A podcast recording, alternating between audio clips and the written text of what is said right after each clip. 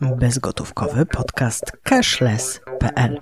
Tu znajdziesz najważniejsze informacje na temat bankowości elektronicznej, płatności mobilnych, zmieniających się regulacji, bezpieczeństwa transakcji i nowych technologii, a także wydarzeń popularyzujących obrót bezgotówkowy. Swoją wiedzą na łamach cashless.pl dzielą się eksperci, doświadczeni dziennikarze, pasjonaci technologii. Słuchając bezgotówkowego podcastu dostajesz solidną porcję wiedzy i informacji.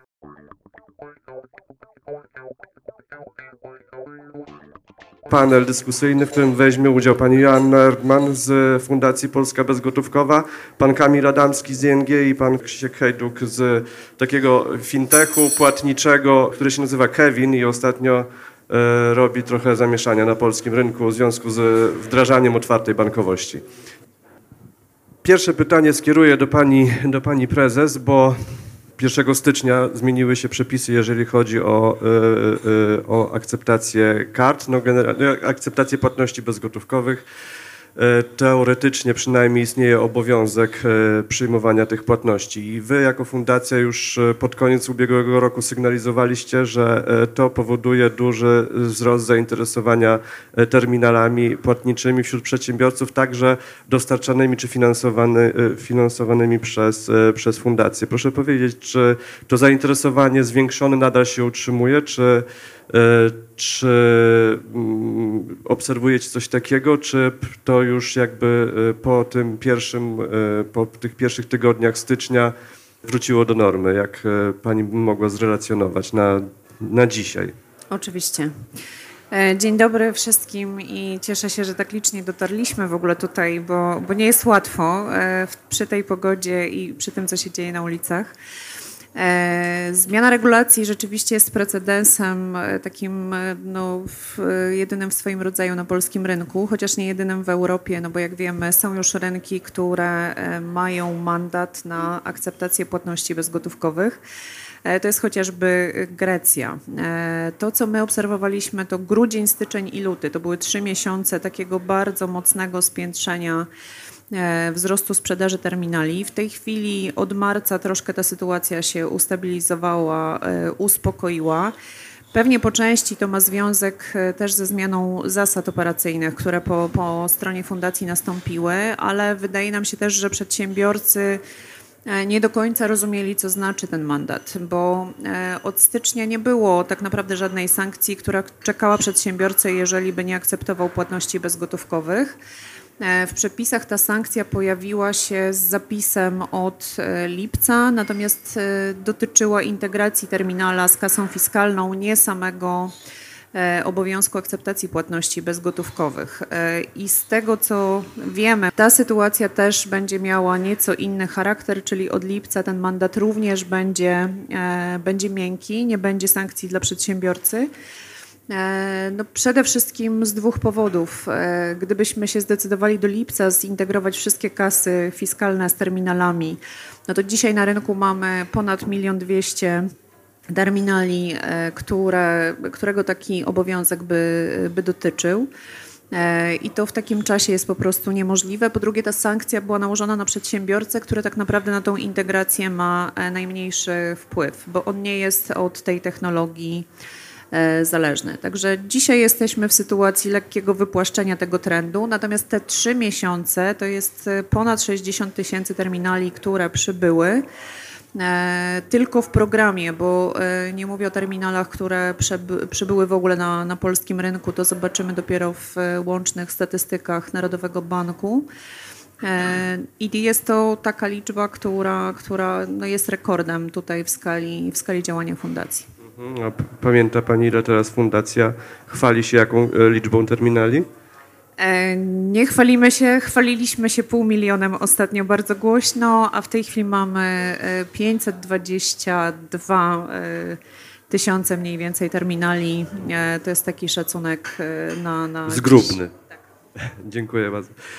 Panie Kamilu, do Pana pytanie troszeczkę w nawiązaniu do tego, co powiedziała Pani Prezes, bo wy jako bank, pan wspomniał, też dystrybuujecie terminale. Czy y, widzieliście to samo, co, o czym wspomniała pani prezes, czyli ten wzrost zainteresowania terminalami na początku roku czy pod koniec ubiegłego roku?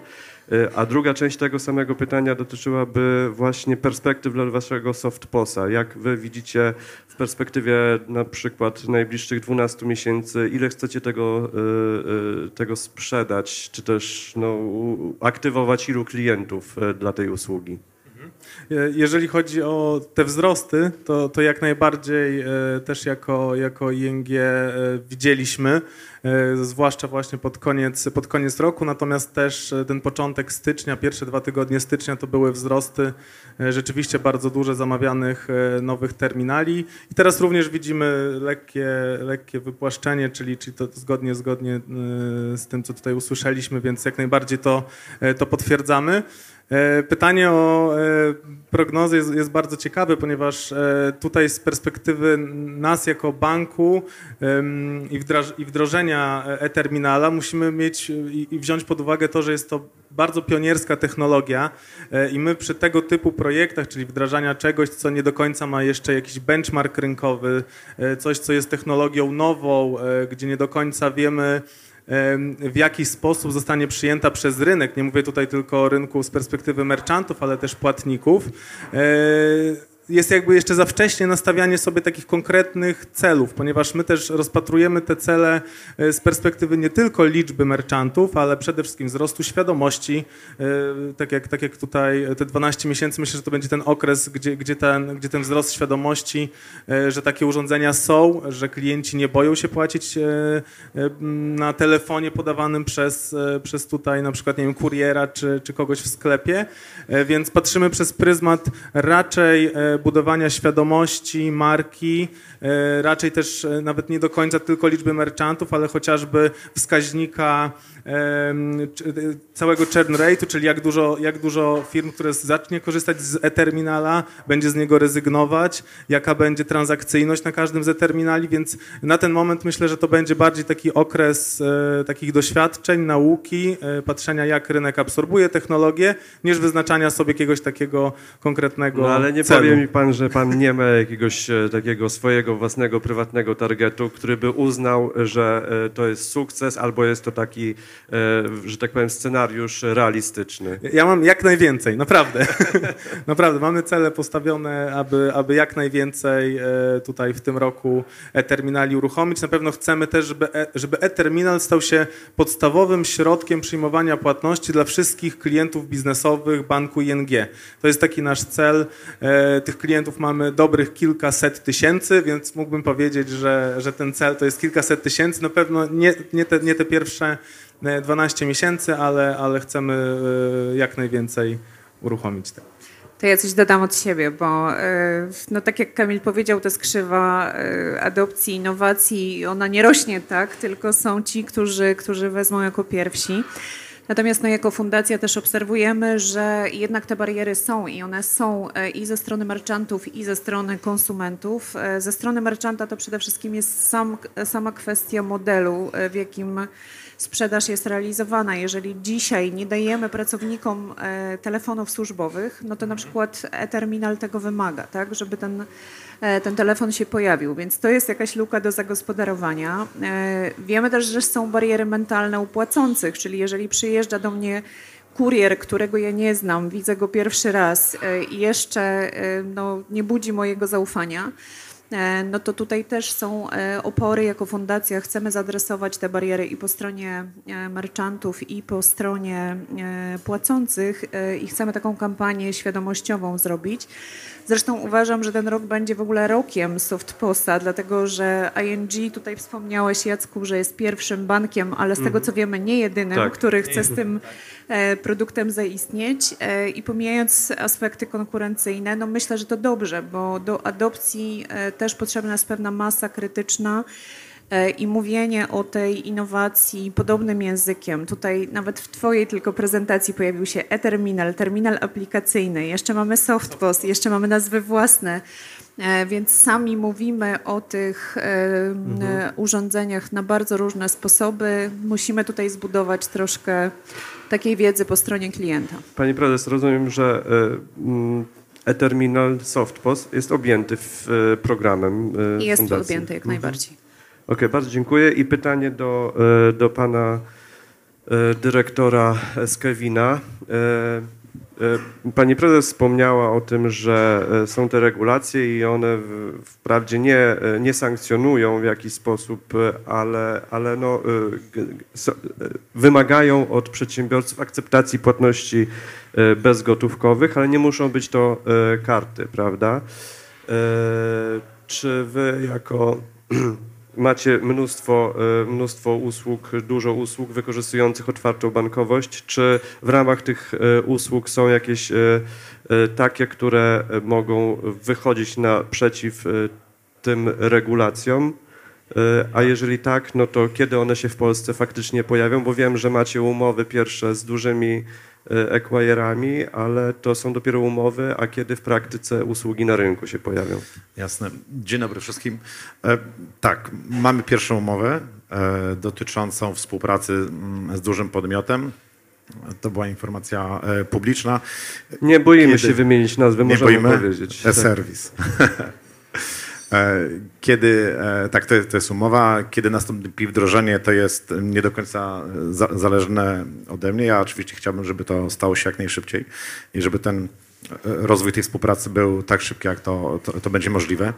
Mm, jeśli chodzi o rozwój, mm, czy jakby wdrażanie alternatywnych metod przyjmowania płatności bezgotówkowych, to e, my jako Kevin e, stworzyliśmy, w sumie jako pierwsi tak naprawdę w Europie czy na świecie, rozwiązanie do mm, przyjmowania płatności w sklepie fizycznym e, bazujące w 100% na open bankingu. To, co zostało powiedziane, generalnie bardzo ważne jest przy wdrażaniu nowych produktów, czy usług, czy jakichkolwiek nowych funkcjonalności, jest to, żeby nie zmieniać przyzwyczajeń klienta.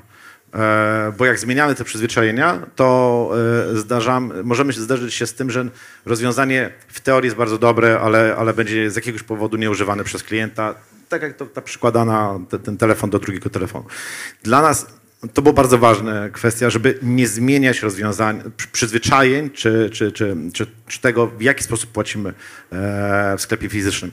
I udało nam się zrealizować faktycznie ten, ten cel, ponieważ nasze rozwiązanie po pierwsze, całkowicie eliminuje organizacje kartowe i, i, i, i, płatność z wykorzystaniem karty, a jednocześnie, jednocześnie sama płatność jest dokładnie taka sama, jaką znamy, e, płacąc telefonem, czyli zbliżamy telefon do terminala i płacimy.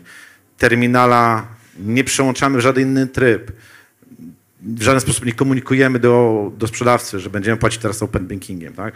Gdyby cały to, to, to, ten proces, to tak zwany flow płatnościowy jest dokładnie taki, jaki znamy, a jednak nie wykorzystujemy kart. Jak nie wykorzystujemy kart, to z punktu widzenia e, merchanta mamy wiele zalet e, pod względem oszczędności, ale także e, z punktu widzenia mm, płacącego, klienta ostatecznego, e, ten merchant uzyskując wiele oszczędności i innych zalet dotyczących natychmiastowego dostępu do środków, e, może oferować dodatkowe czynniki zachęcające do skorzystania z naszego rozwiązania, e, a nie rozwiązania tradycyjnego. Tak?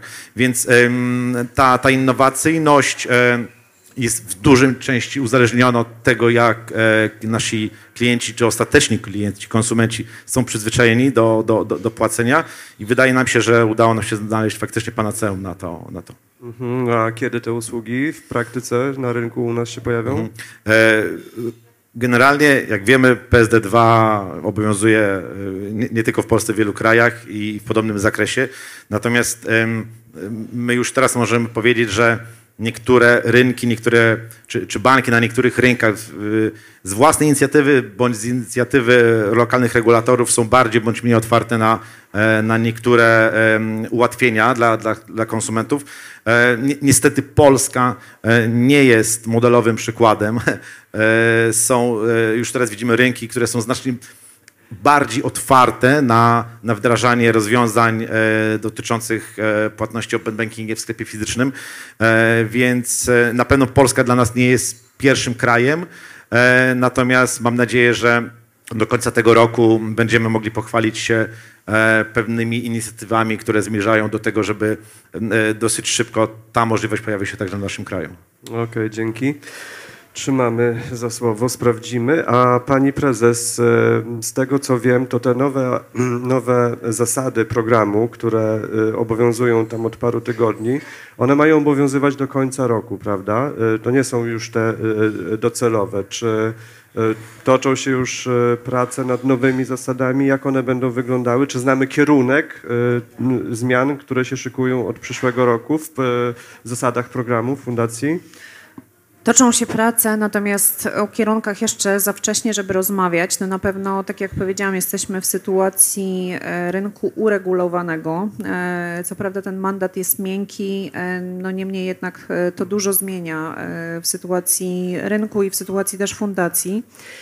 E, Natomiast my obserwujemy przede wszystkim e, zmieniające się modele płatności. Tutaj kolega z Kevina, to o czym powiedział, to jest, to jest jeden z modeli, który, który może gdzieś e, zafunkcjonować, czyli połączenie terminala z otwartą bankowością. E, Rok of POSA, e, myślę, że, że to jest drugi kierunek, czyli przenoszenie e, tych terminali z urządzeń takich e, hardware'owych do aplikacji e, na telefon czy do urządzeń mobilnych.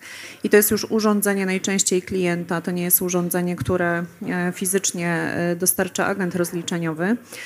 E, Obserwujemy też połączenie płatności fizycznych e, z e-commerce'em, czyli tak naprawdę dokonujemy płatności w sensie fizycznym, jesteśmy obecni w sklepie, ale płatność realizuje się poprzez dodanie karty do card on file e, i czy e, podpięcie konta, bo to może być również podpięcie konta, jak w przypadku chociażby płatności e, blikiem.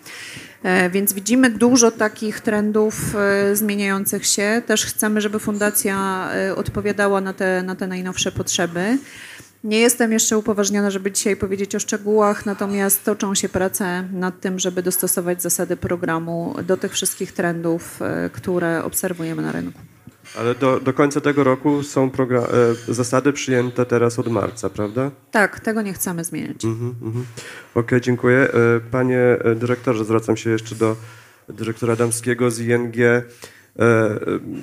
Fundacja prowadzi program, który ma zmniejszać jakby koszty wejścia w rynek akceptacji płatności, prawda? Pan wspominał też podczas swojej prezentacji, że wypracowaliście taki model, aby za Softposa nie płaciło się jakiegoś stałego abonamentu.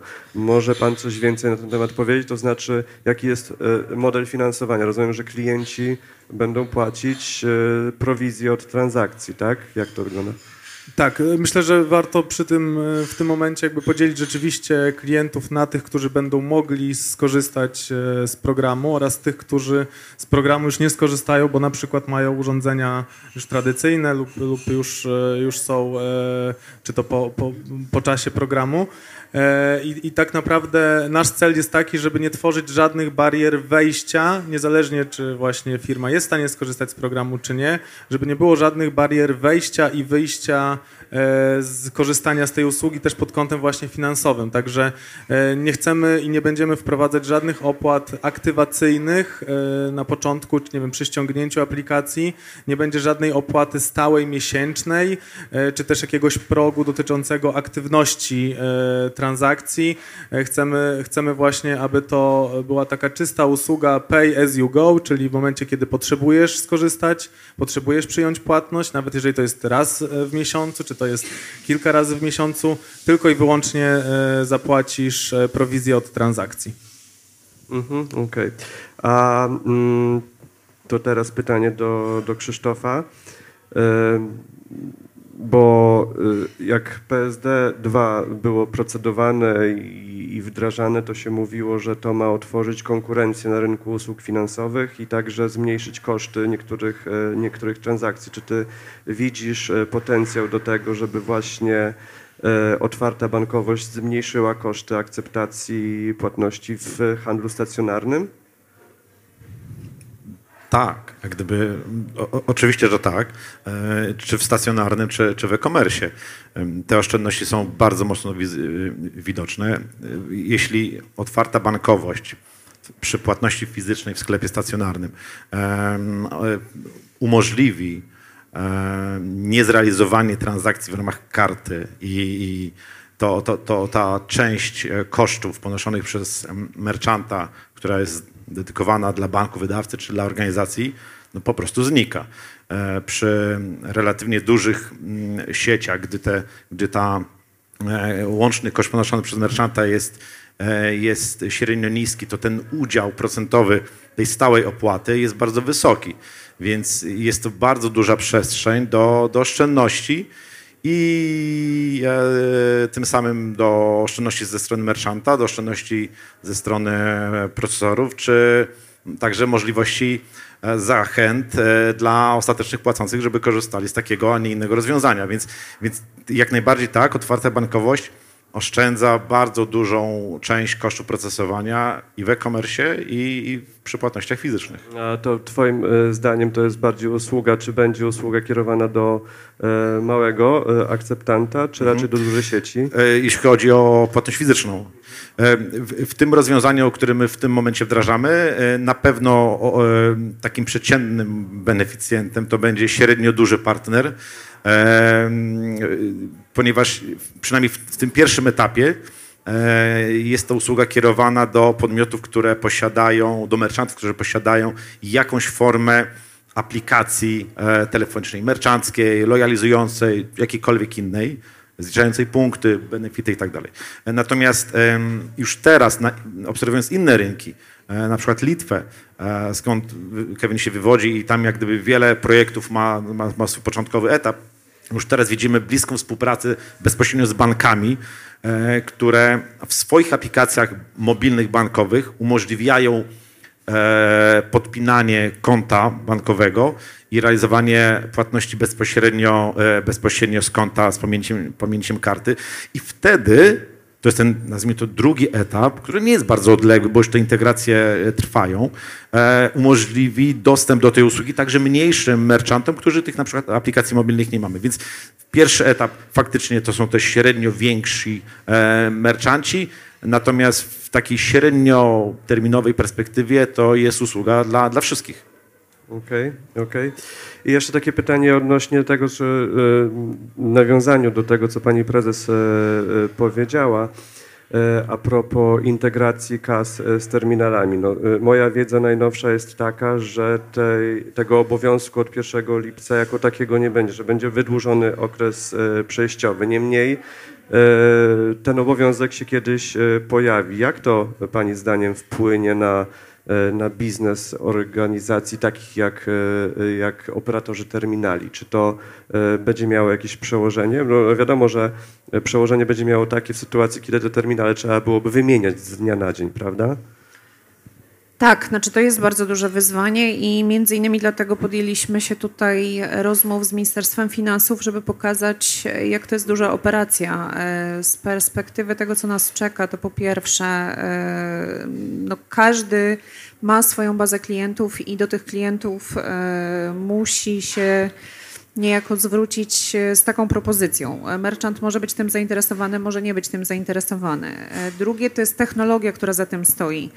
I to jest zarówno technologia po stronie kasy, jak i po stronie e, urządzenia, e, które akceptuje kartę i to trzeba ze sobą pogodzić. Jeszcze do tego dochodzą e, protokoły komunikacji i wszystkie E, że tak powiem, rzeczy niezależne już ani od merchanta, ani od agenta rozliczeniowego. I ta akcja e, nie, e, nie do końca da się zrobić zdalnie. Trzeba po prostu fizycznie do tego miejsca sprzedaży się udać, więc to jest bardzo duże wyzwanie. Każdy musi mieć swój indywidualny plan, trochę jak z otwartą bankowością i przygotowaniem do, do PSD2, do którego z kolei banki się przygotowywały kilka lat. To nie był proces proces atomowy. Podobnie tutaj. E, to jest duża wymiana infrastruktury.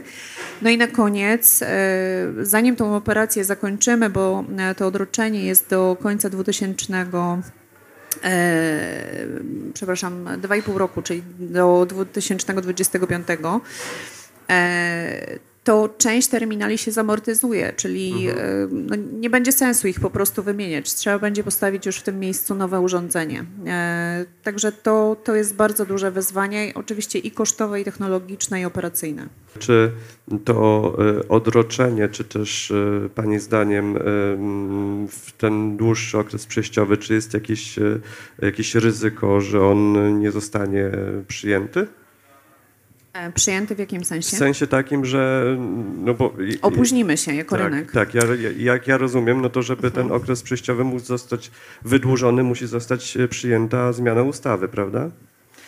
E, tak, zmiana ustawy i mam nadzieję, że Paweł nam tutaj więcej szczegółów zdradzi, jak, jak do nas dotrze, o ile dotrze, e, ale w, z tego co wiemy, to te procesy ustawowe trwają e, no, w taki sposób, żeby to się zadziało przed lipcem. E, mam nadzieję, że to się nie opóźni, dlatego że to by było tylko ze szkodą dla, e, dla przedsiębiorców. E, poza tym zauważmy, że Ministerstwo Finansów z całą odpowiedzialnością opublikowało już taki komunikat na tak. swoich stronach, mhm. informując, że tego obowiązku nie będzie. W związku z tym to daje niejako gwarancję w cudzysłowie, że nawet jeżeli by się coś z procesem legislacyjnym złego zadziało, no bo wiemy, że dzisiaj wszystkie ministerstwa mają masę wyzwań związanych nie z państwem polskim, ale z tym, co się dzieje wokół sytuacji w Ukrainie, e, to jest taka pisana gwarancja, e, że e, po prostu tych sankcji nie będzie dla przedsiębiorców. Mm -hmm, mm -hmm. Okej. Okay. I jeszcze jedno, może tak na koniec już pytanie do pana Kamila w nawiązaniu troszeczkę do tej e, integracji, obowiązku integracji, czy pan widzi e, potencjał jakiś dla Softposa właśnie, potencjał do tego, aby wyjść naprzeciw temu obowiązkowi i, i, i ułatwić to przynajmniej wybranym grupom merchantów? Mhm.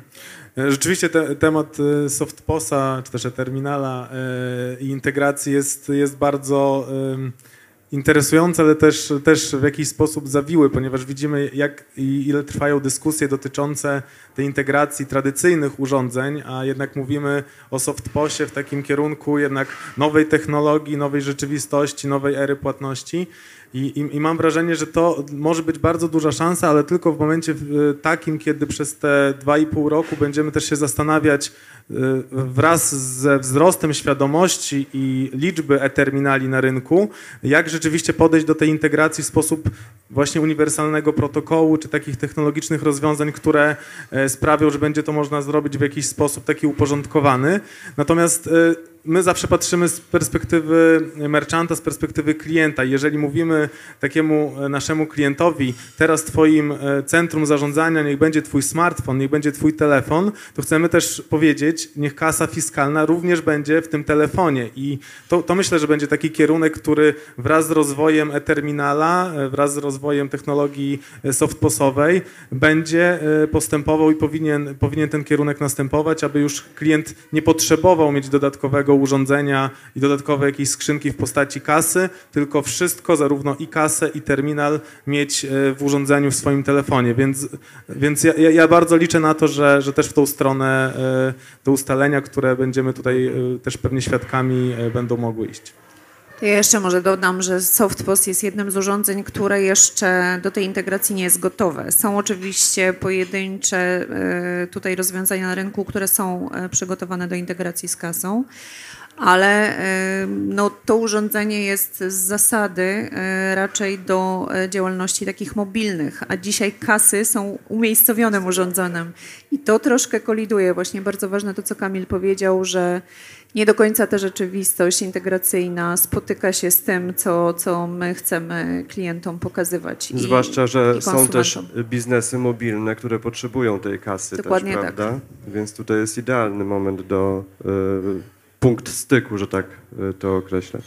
Dobrze, drodzy Państwo, e, miało być dynamicznie i szybko, także ja bym w tym momencie e, powoli e, kończył. Naszymi gośćmi byli pani Joanna Erdman z Fundacji Polska Bezgotówkowa, pan Krzysztof Hejduk z firmy Kevin i pan Kamil Adamski z banku ING. Jeszcze raz dziękuję za udział. Więcej najświeższych informacji na temat obrotu bezgotówkowego znajdziesz codziennie na stronie www.cashless.pl. Piszemy tam dla Ciebie także po angielsku. Chcesz mieć co tydzień przegląd najważniejszych nowości? Zapisz się na nasz newsletter, dostępny oczywiście na stronie www.cashless.pl.